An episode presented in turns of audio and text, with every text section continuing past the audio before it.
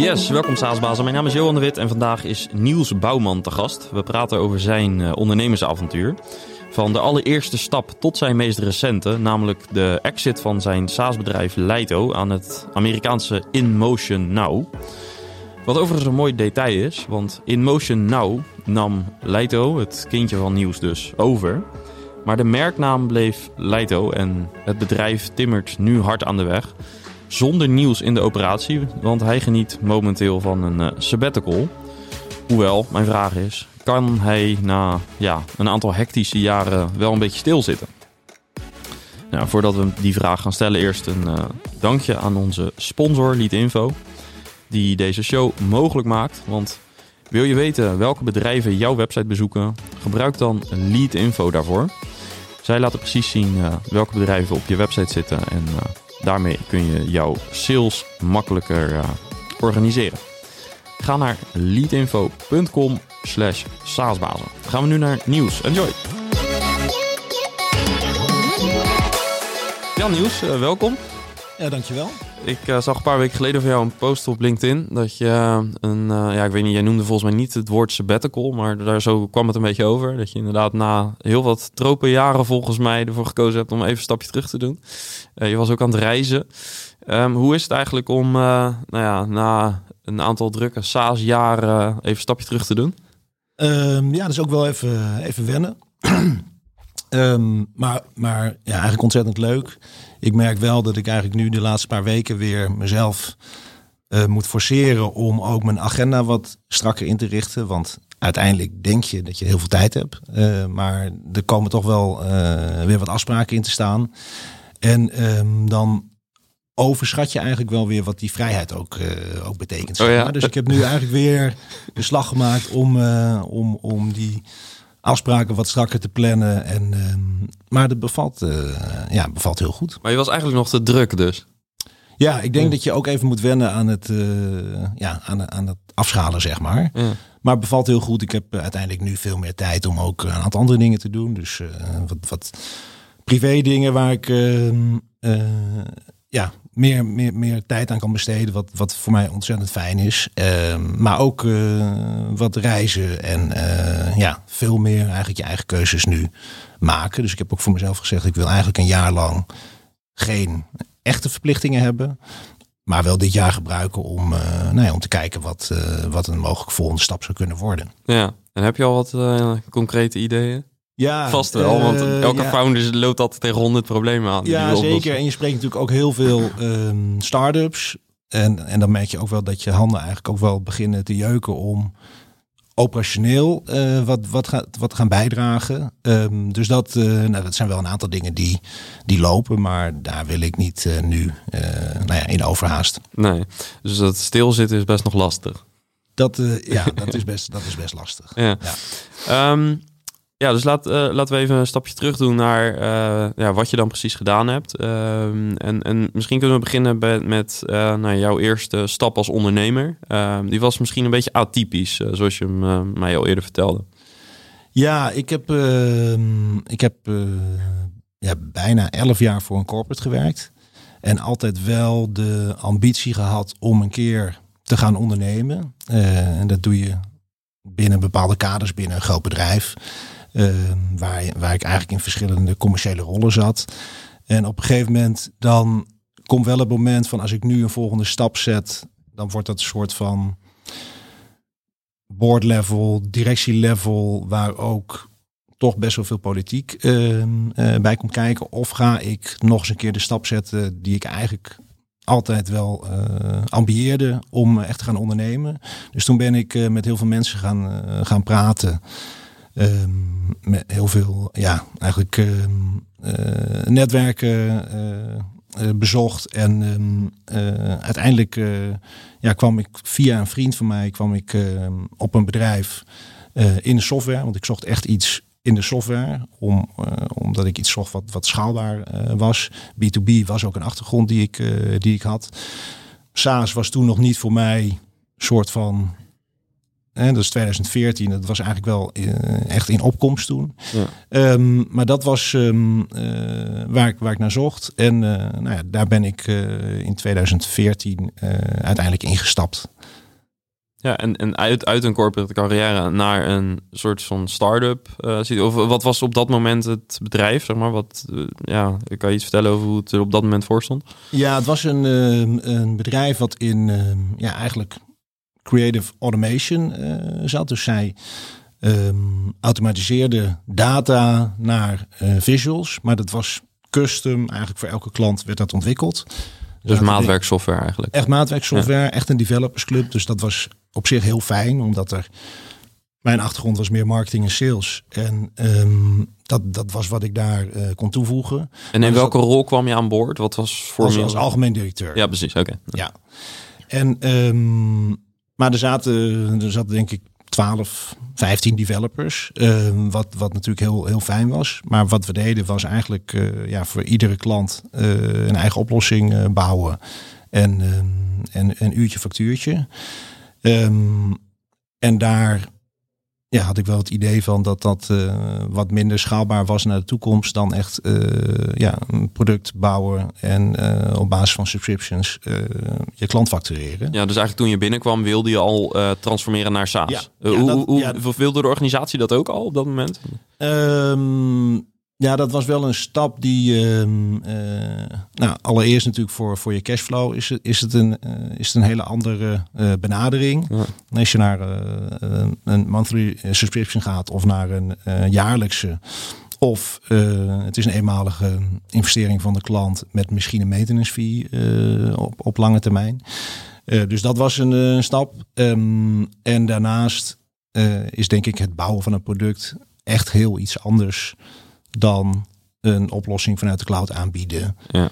Die je customized uh, voor je klant. Ja. Um, en dat was wel uiteindelijk uh, nou, belangrijk om daar de organisatie in mee te krijgen. En dat is denk ik uiteindelijk uh, wel heel goed gelukt. Je zegt uiteindelijk, betekent dat ook dat het dat een beetje duurde? Of? Ja, misschien. Hè, dus we, we de eerste stap die we hebben gezet is eigenlijk het custom product wat wij aan de klant leverden laat ik even zeggen, versaast. Uh, dus dat betekende dat we uh, die oplossing vanuit de cloud gingen aanbieden, multi-tenant gingen maken. Uh, zodat um, ja, we, we dat op een betere manier konden gaan schalen. Alleen waar we, dat product dat heette Brandifier.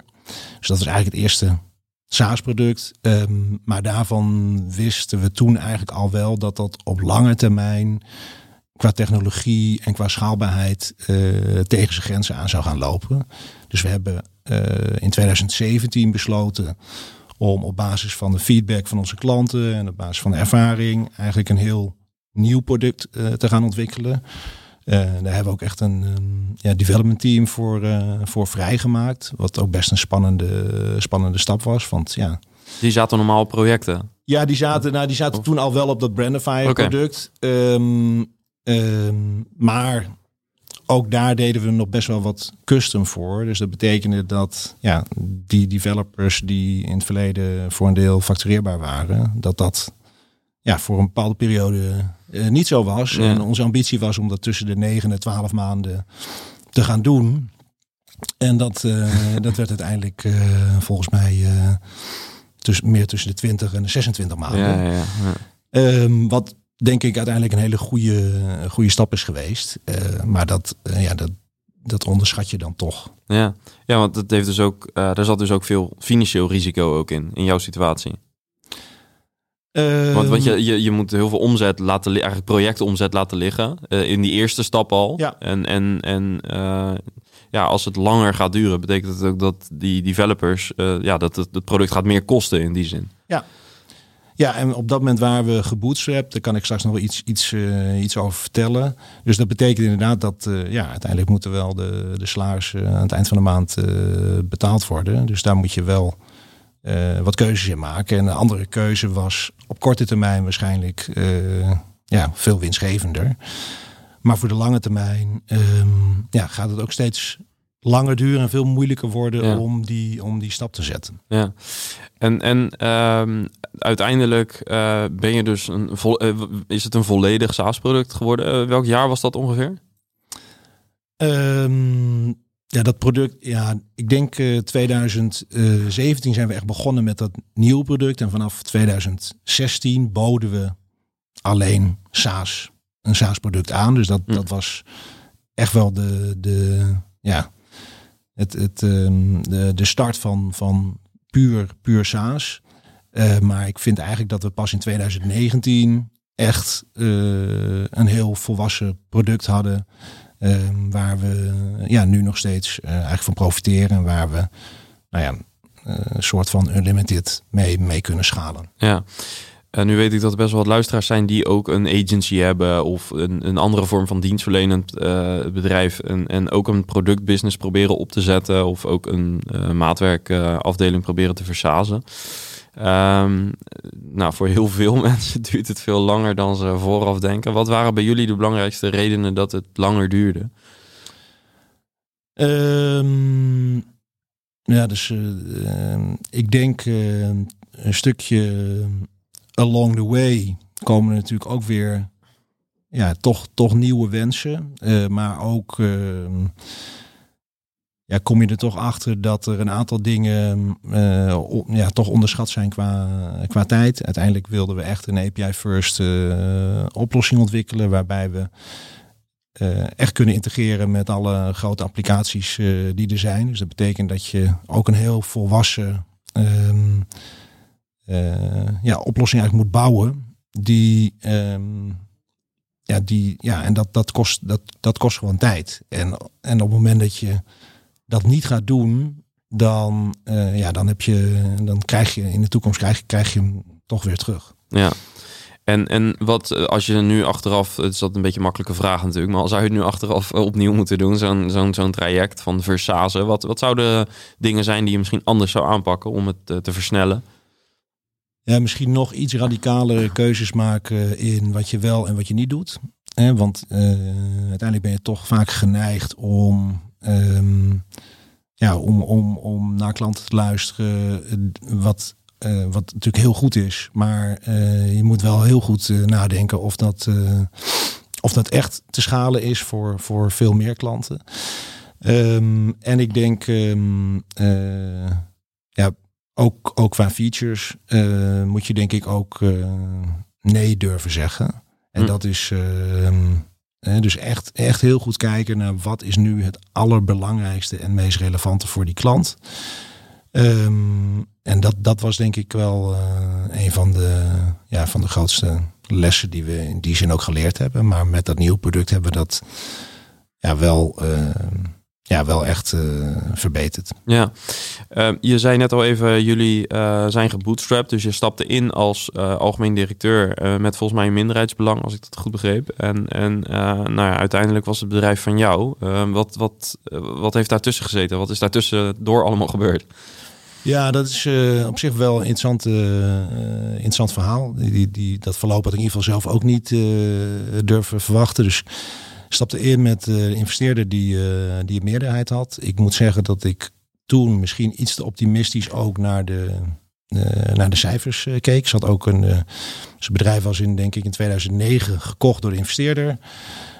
dat had hij voor een groot deel ook met vreemd kapitaal gedaan, wat weer teruggehangen was in de holding. Dus eigenlijk was de holding aan het werk om die schuld af te lossen. Toen ik binnenkwam was dat ook nog steeds het geval. En uh, uiteindelijk um, kwam ik er toch na een paar maanden achter dat die schuld misschien wel eigenlijk wat te hoog was voor de potentie die dat bedrijf op dat moment had. Of althans, die ik dacht te kunnen gaan realiseren. En dat ik toen wel dacht, ja, ben ik dan, ga ik dan de komende vijf tot tien jaar uh, echt voor de bank uh, werken?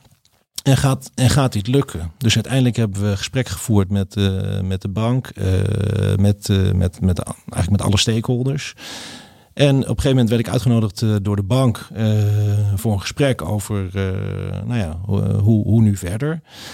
En um, toen was de uitkomst, ja, we zijn bereid om een, om een groot deel van die schuld af te boeken.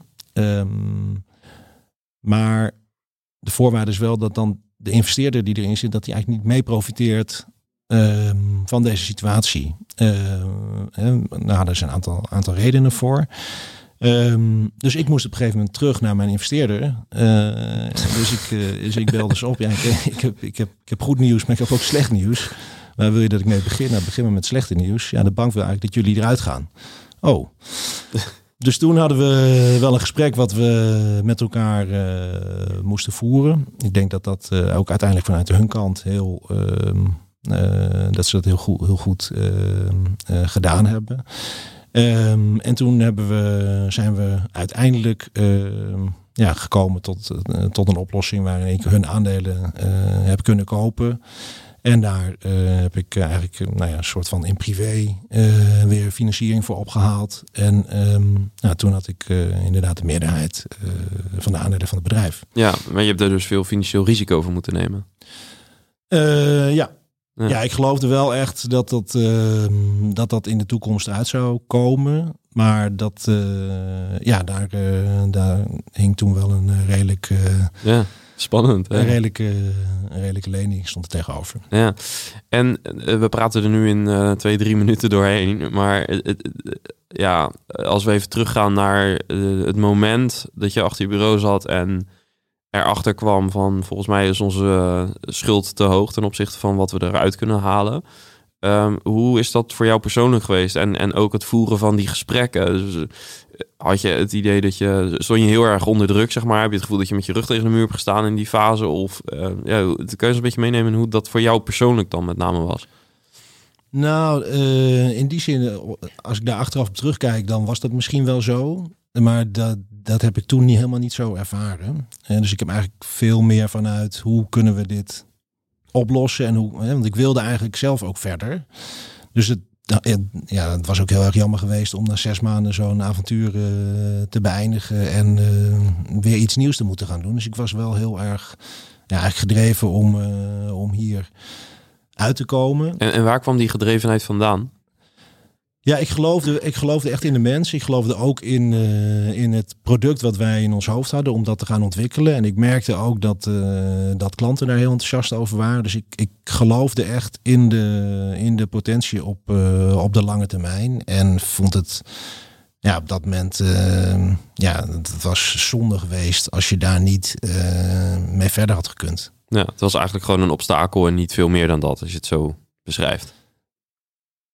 Ja, um, um, misschien wel. wel. Wel eentje die uiteindelijk best spannend was. Want ja. als het niet gelukt was, dan, uh, ja, dan moet je wel afvragen of het uh, uiteindelijk levensvatbaar was geweest. Ook, uh, ook de transformatie van de, van de organisatie. Ja. Um, maar ja, uiteindelijk is het. en uiteindelijk heb je denk ik ook altijd een factor geluk nodig. en een factor gunning om ja, om, om weer verder te komen. Ja, is dat zo, het geluk? Of daar zijn de meningen nog als over verdeeld? Ja, ik denk. Uh, ja, ik denk uiteindelijk heb je. Heb, ja, ik geloof zonder geluk vaart, vaart niemand wel. Uh, en uiteindelijk uh, zijn er natuurlijk heel veel dingen die je echt kan beïnvloeden. En, uh, maar ik denk dat het ja, dat, dat, dat een factor geluk toch ook wel uh, hm. behulpzaam is. Ja. En, en hoe heb je uh, dit, dit, zeg maar, in dit traject, hoe heb je team hierin meegenomen? Of, of heb je dit zelfstandig, zeg maar, allemaal gedaan? Wat, wat, heb je, ja, wat heb je wel en niet gedeeld? Nou, ik moet heel erg zeggen dat ik best weinig gedeeld heb hierover. Uh, ook omdat als je, ook al deel je zeg maar een deel van waar je mee bezig bent, kan best wel veel onrust, uh, voor best wel veel onrust uh, zorgen. En ik heb er ook wel steeds vertrouwen in gehad dat op een of andere manier daaruit zouden komen. Dus ik heb, moet heel erg zeggen dat ik daar heel weinig over gedeeld heb op dat moment. Ja, ook omdat je, ja, je had vertrouwen in. Uh, het voegde niet heel veel toe als zij het zouden weten. Um, en ja, het ging toch wel goed komen, zeg maar. Ja, dat, dat wist je natuurlijk niet helemaal zeker. Maar ik, ik had uiteindelijk. Maar dat wel, vertrouwen ik had, je. Ik had het vertrouwen wel ja. dat dat uh, goed zou komen. En ja. ook, uh, ja, uiteindelijk wil je ook mensen misschien niet onnodig uh, zich zorgen laten maken. Ja. Met alle mogelijke gevolgen van dien. Had je, had je op dat moment co-founders, behalve dan, uh, nee, daarvoor had je investeerder? Uh, Ja, ja dus uh, er zat een, um, een, een, CTO toen ik aantrad met, met een minderheidsbelang. En um, dus, die, dus daar, ja, dat was ook wel een sparringspartner. Dat was je sparringpartner, ja precies. voor mij, maar die, vond, die had wel minder interesse dan ik ook in dat, in dat financiële stuk. Hm. Ehm, maar die was, die, was, uh, die was geïnformeerd. Ja, oké. Ehm, en en uh, uiteindelijk, uh, je had dus leningen aan, aan je broek hangen, zeg maar. Wat, hoe, hoe was dat om, om, om nou ja, met een bepaalde druk ook uiteindelijk toch een spannende transitie in te gaan?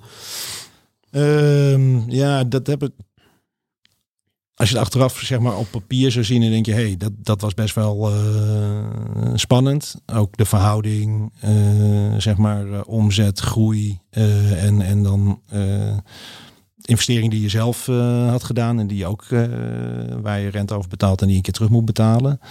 Maar ja, het was ergens misschien ook wel een soort van motivator om, om ervoor te zorgen dat het ging slagen. Ja. onbewust. Ja. Um, behoorlijk avontuur. En ik denk dat er nog veel meer over te vertellen is. Maar we hadden ook nog een aantal andere dingen waar we even naar, naar wilden kijken. Um, uiteindelijk heb je je bedrijf uh, verkocht. Dus we gaan even vast uh, ja. een stukje verder. En wanneer is dat geweest? Uh, dat was in 2021, in ja. maart. Oké. Dus, ja, en, en um, nou ja, als je een bedrijf verkoopt, dan is een van de thema's altijd uh, hoe exit ready ben je. Dat uh, merk je dan ook wel in de gesprekken natuurlijk met de overnamepartij. Um, hoe was dat in jullie geval? Was je er klaar voor?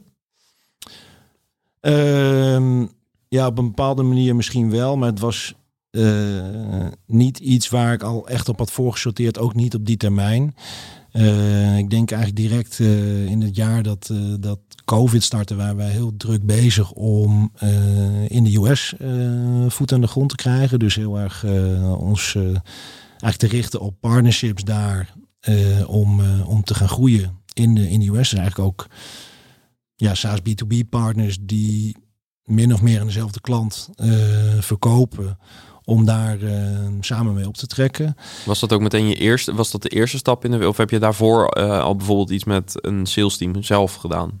Ja, dus dat, dat, dat uh, hebben een aantal dingen hebben we geprobeerd, maar wel altijd redelijk low profile. Dus uh, we werkten met, uh, met agents daar en we deden eigenlijk heel veel vanuit, vanuit Nederland. Dus we, we kregen, we hadden wel een heel klein beetje presence daar, maar we vonden het wel heel moeilijk om, om, om echt in de US goed voet aan de grond te krijgen. Omdat je toch merkte dat klanten belangrijk vinden, dat je custom succes daar zit, dat je dat je presence hebt. En dat, dat hadden we niet. Um, en een van de strategieën was om heel erg samen te gaan werken met, met partners.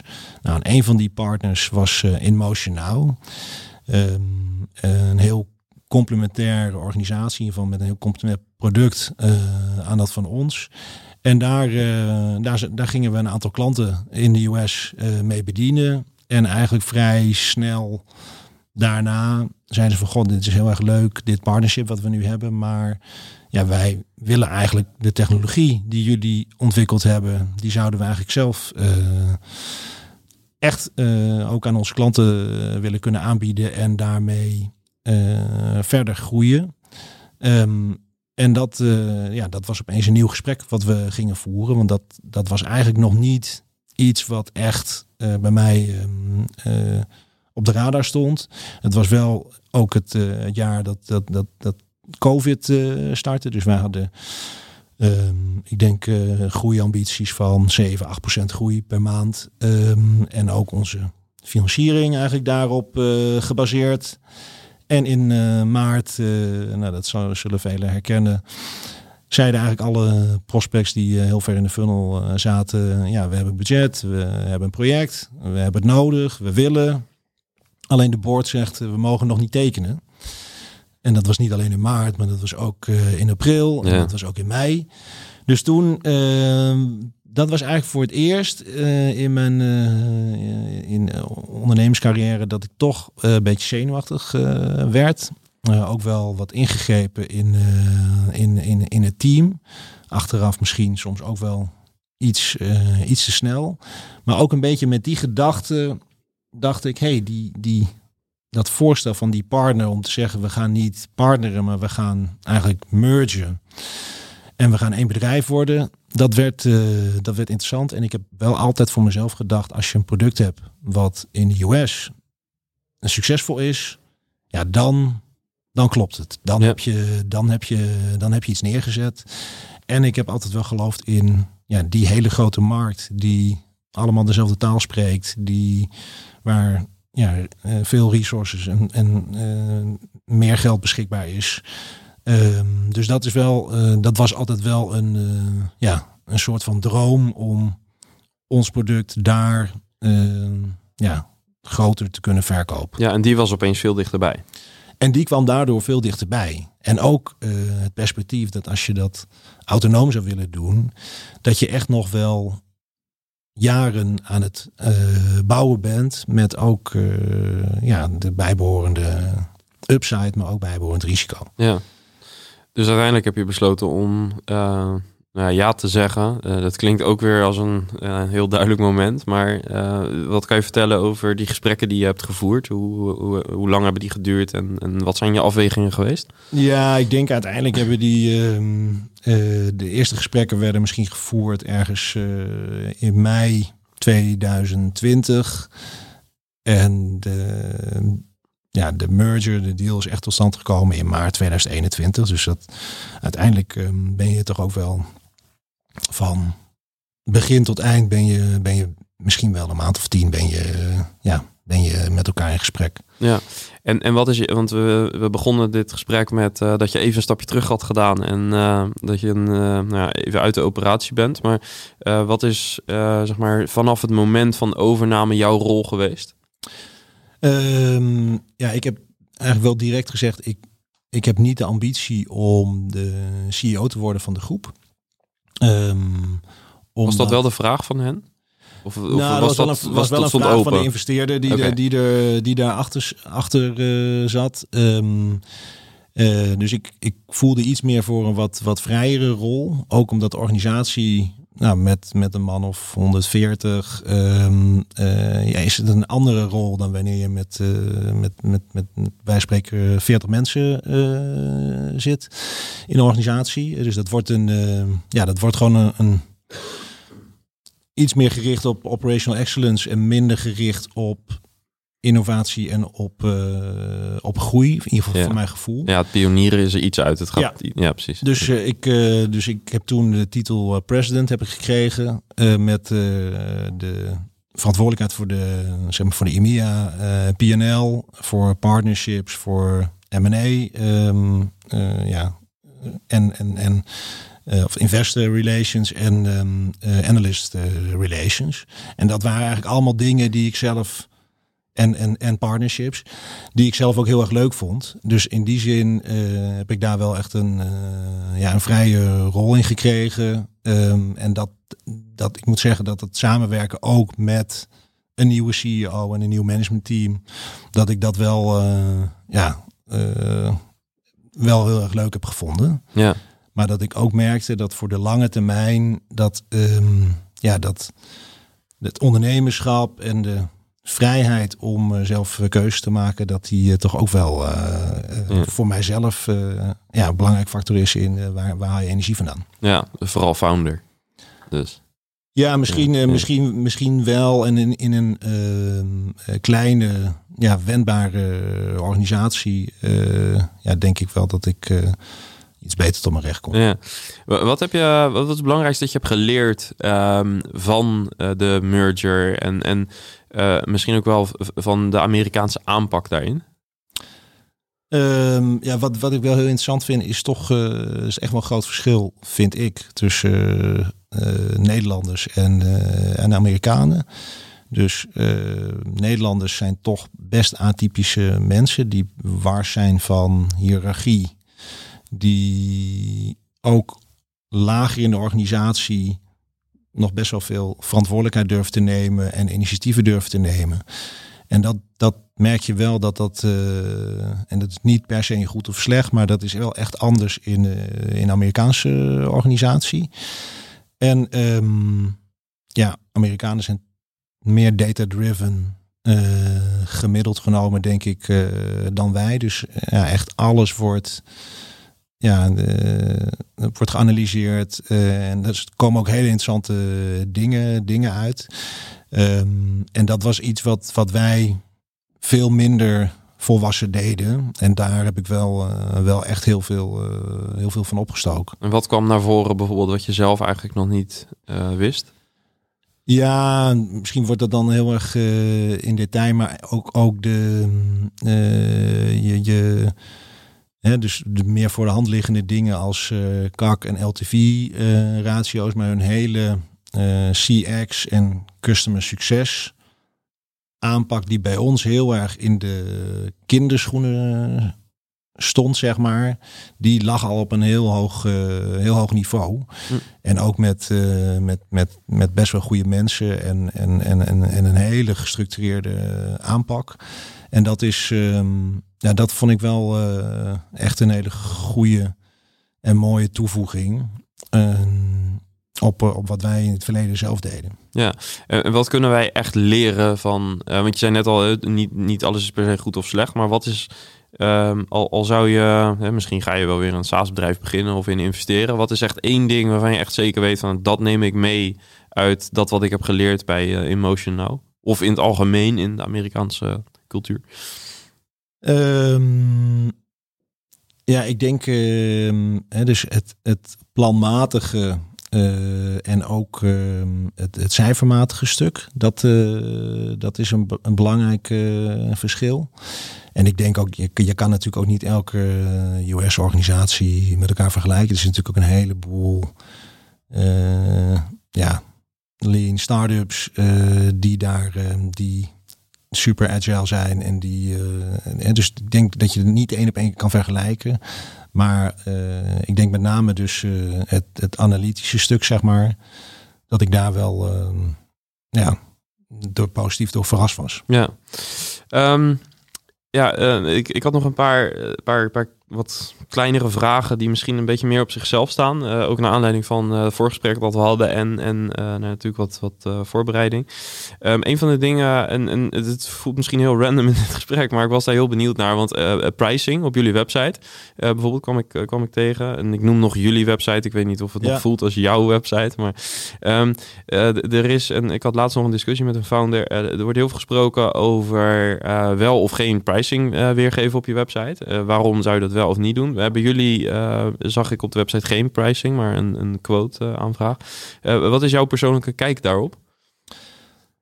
Um, ja, persoonlijk ben ik zeker in meer mid-market, enterprise, uh, SaaS wel een voorstander van om dat niet transparant te doen.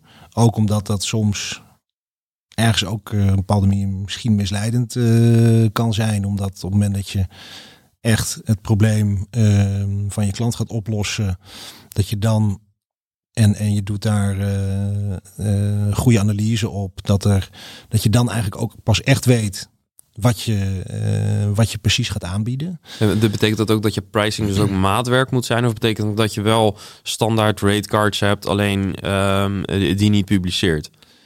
Uh, dat laatste. Um, en uiteindelijk um, uh, ja, zie je natuurlijk wel dat je product ook rijker wordt, waardoor er, um, ja, als jij uh,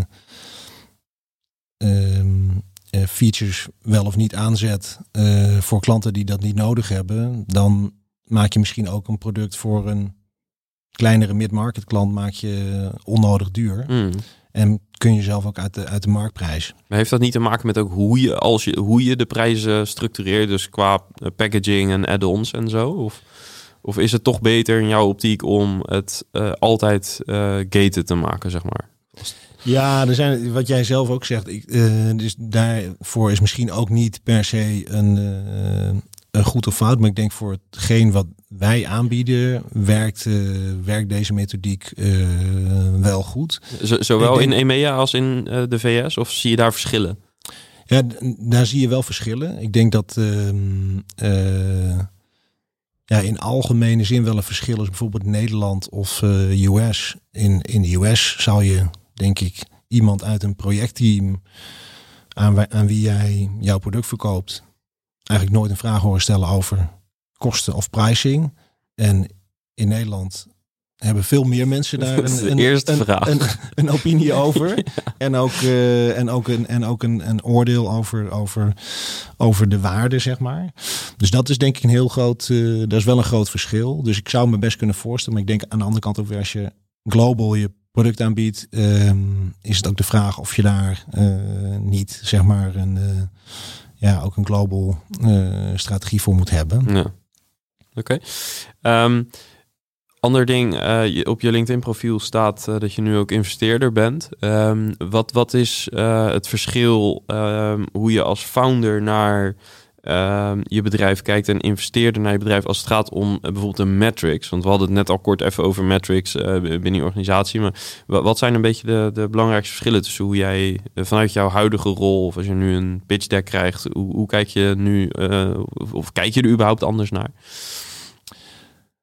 Ja, ik kijk er wel naar. Ik denk wel de. Als je echt kijkt naar heel early stage bedrijven, moet je ook altijd afvragen wat die. Hè, die metrics die zijn ook heel vaak gewaardeerd op de prognose.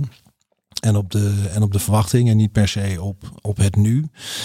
Ehm, dus ik denk dat ik uiteindelijk toch veel belangrijker vind welk team er zit en welke ondernemer ehm, er staat. En, en of die er echt in gelooft en ook in staat is om nou, eh, even in, eh, met, met de wind mee, maar ook met de wind tegen, om, eh, om, om zijn droom te gaan realiseren. Dus ehm, ja, uiteindelijk zijn die, moet, het, moet het kloppen, maar dat is voor mij niet het belangrijkste waar ik naar kijk. Nee, zeker dus in de beginfase niet. Nee, nee want bij zo'n overname Ja. ben je meer mature en dan zeggen de cijfers waarschijnlijk ook wat meer. Ja. ja.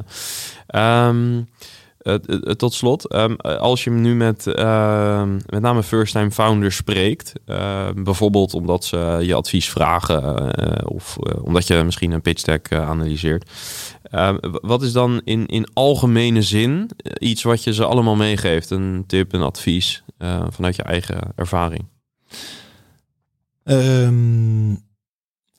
Ja, ik, wat ik zelf eh, heel belangrijk vind is. ehm, eh, ik, had vroeger een eh, Japanse CEO die zei: Never give up until you win.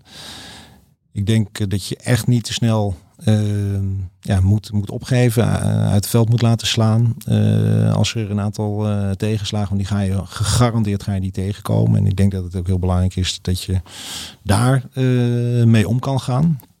Ehm, dus dat is, dat, is, dat is één.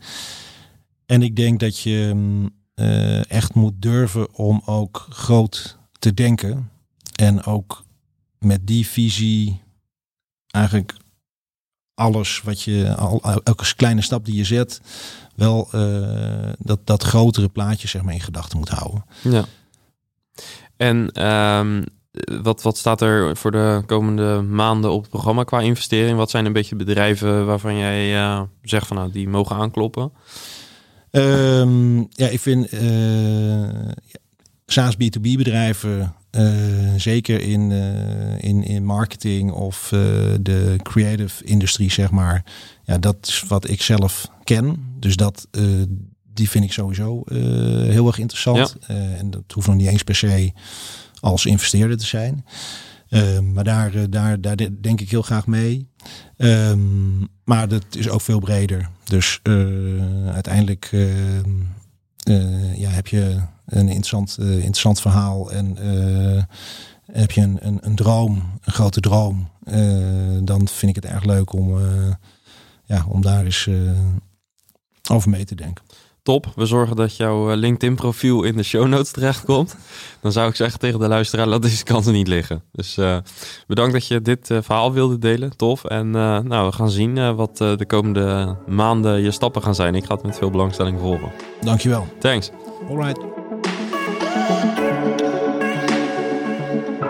Ja, en tot zover het gesprek van vandaag. Bedankt voor het luisteren weer.